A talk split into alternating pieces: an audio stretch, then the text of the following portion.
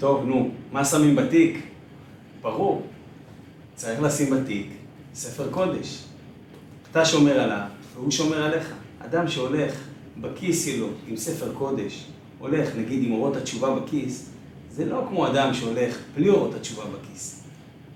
אחי, יש ספר שאתה נצמד אליו בתחילת השירות, למשל, אורות התשובה, או מסילת ישרים, או משנה, או שניים מקרא ואחד תרגום, ואתה לא זז ממנו, אתה לא זז בלעדיו.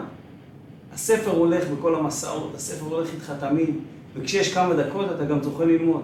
ואם תזכה, אז גם תלמד. אבל אתה הולך עם הספר יחד. ככה נאמר על המלך, כתב לו ספר תורה והיה עמו כל ימי חייו. הלך איתו לכל מקום ספר תורה ממש. וגם אנחנו, אנחנו קודם כל ספר תורה מהלך שמקיים את המצוות, אבל גם חייבים לאחוז בלימוד, וכן, גם בספר קטן, שמהיום הראשון לשירות ועד האחרון הוא בכיס. סיימנו, החלפנו לספר אחר. ועוד דבר חשוב, שגם עליו אנחנו לא נוותר אף פעם, תפילין. לפני השירות תלכו ותקנו תפידנית. יש הרבה סוגי תפידניות, אבל תקנו תפידנית. אני אישית לא משתמש בתפידנית, אני משתמש בקופסה הזאת. קופסה כזו אטומה, אני מכניס אליה את התפילין, אבל זה נכנס לתוך הפאוט של המחסניות. ואז תמיד יש לי מקום לקחת את זה.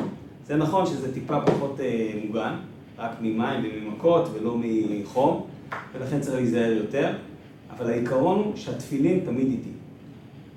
כשהייתי בהכשרה, היה איתנו מפקד מחלקה, השם ייקום דמו, עמיחי מרחביה. המחלקה של עמיחי שמה את התפילין, כולם בארגז תפילין אחד, והרס"פ הביא להם אותו.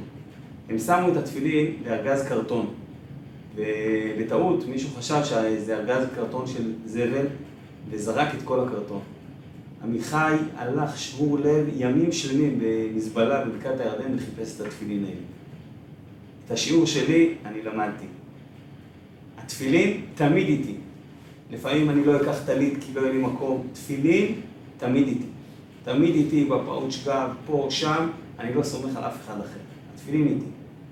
ועוד דבר, סידור, חברים, אתם תהיו בשטח, יחד עם התפילין, סידור קטן, קומפקטי, לכל מקום לוקחים סידור. בסידור גם יש כבר זמירות שבת, יש פה עוד הרבה הרבה דברים טובים, לא זזים בלי סידור.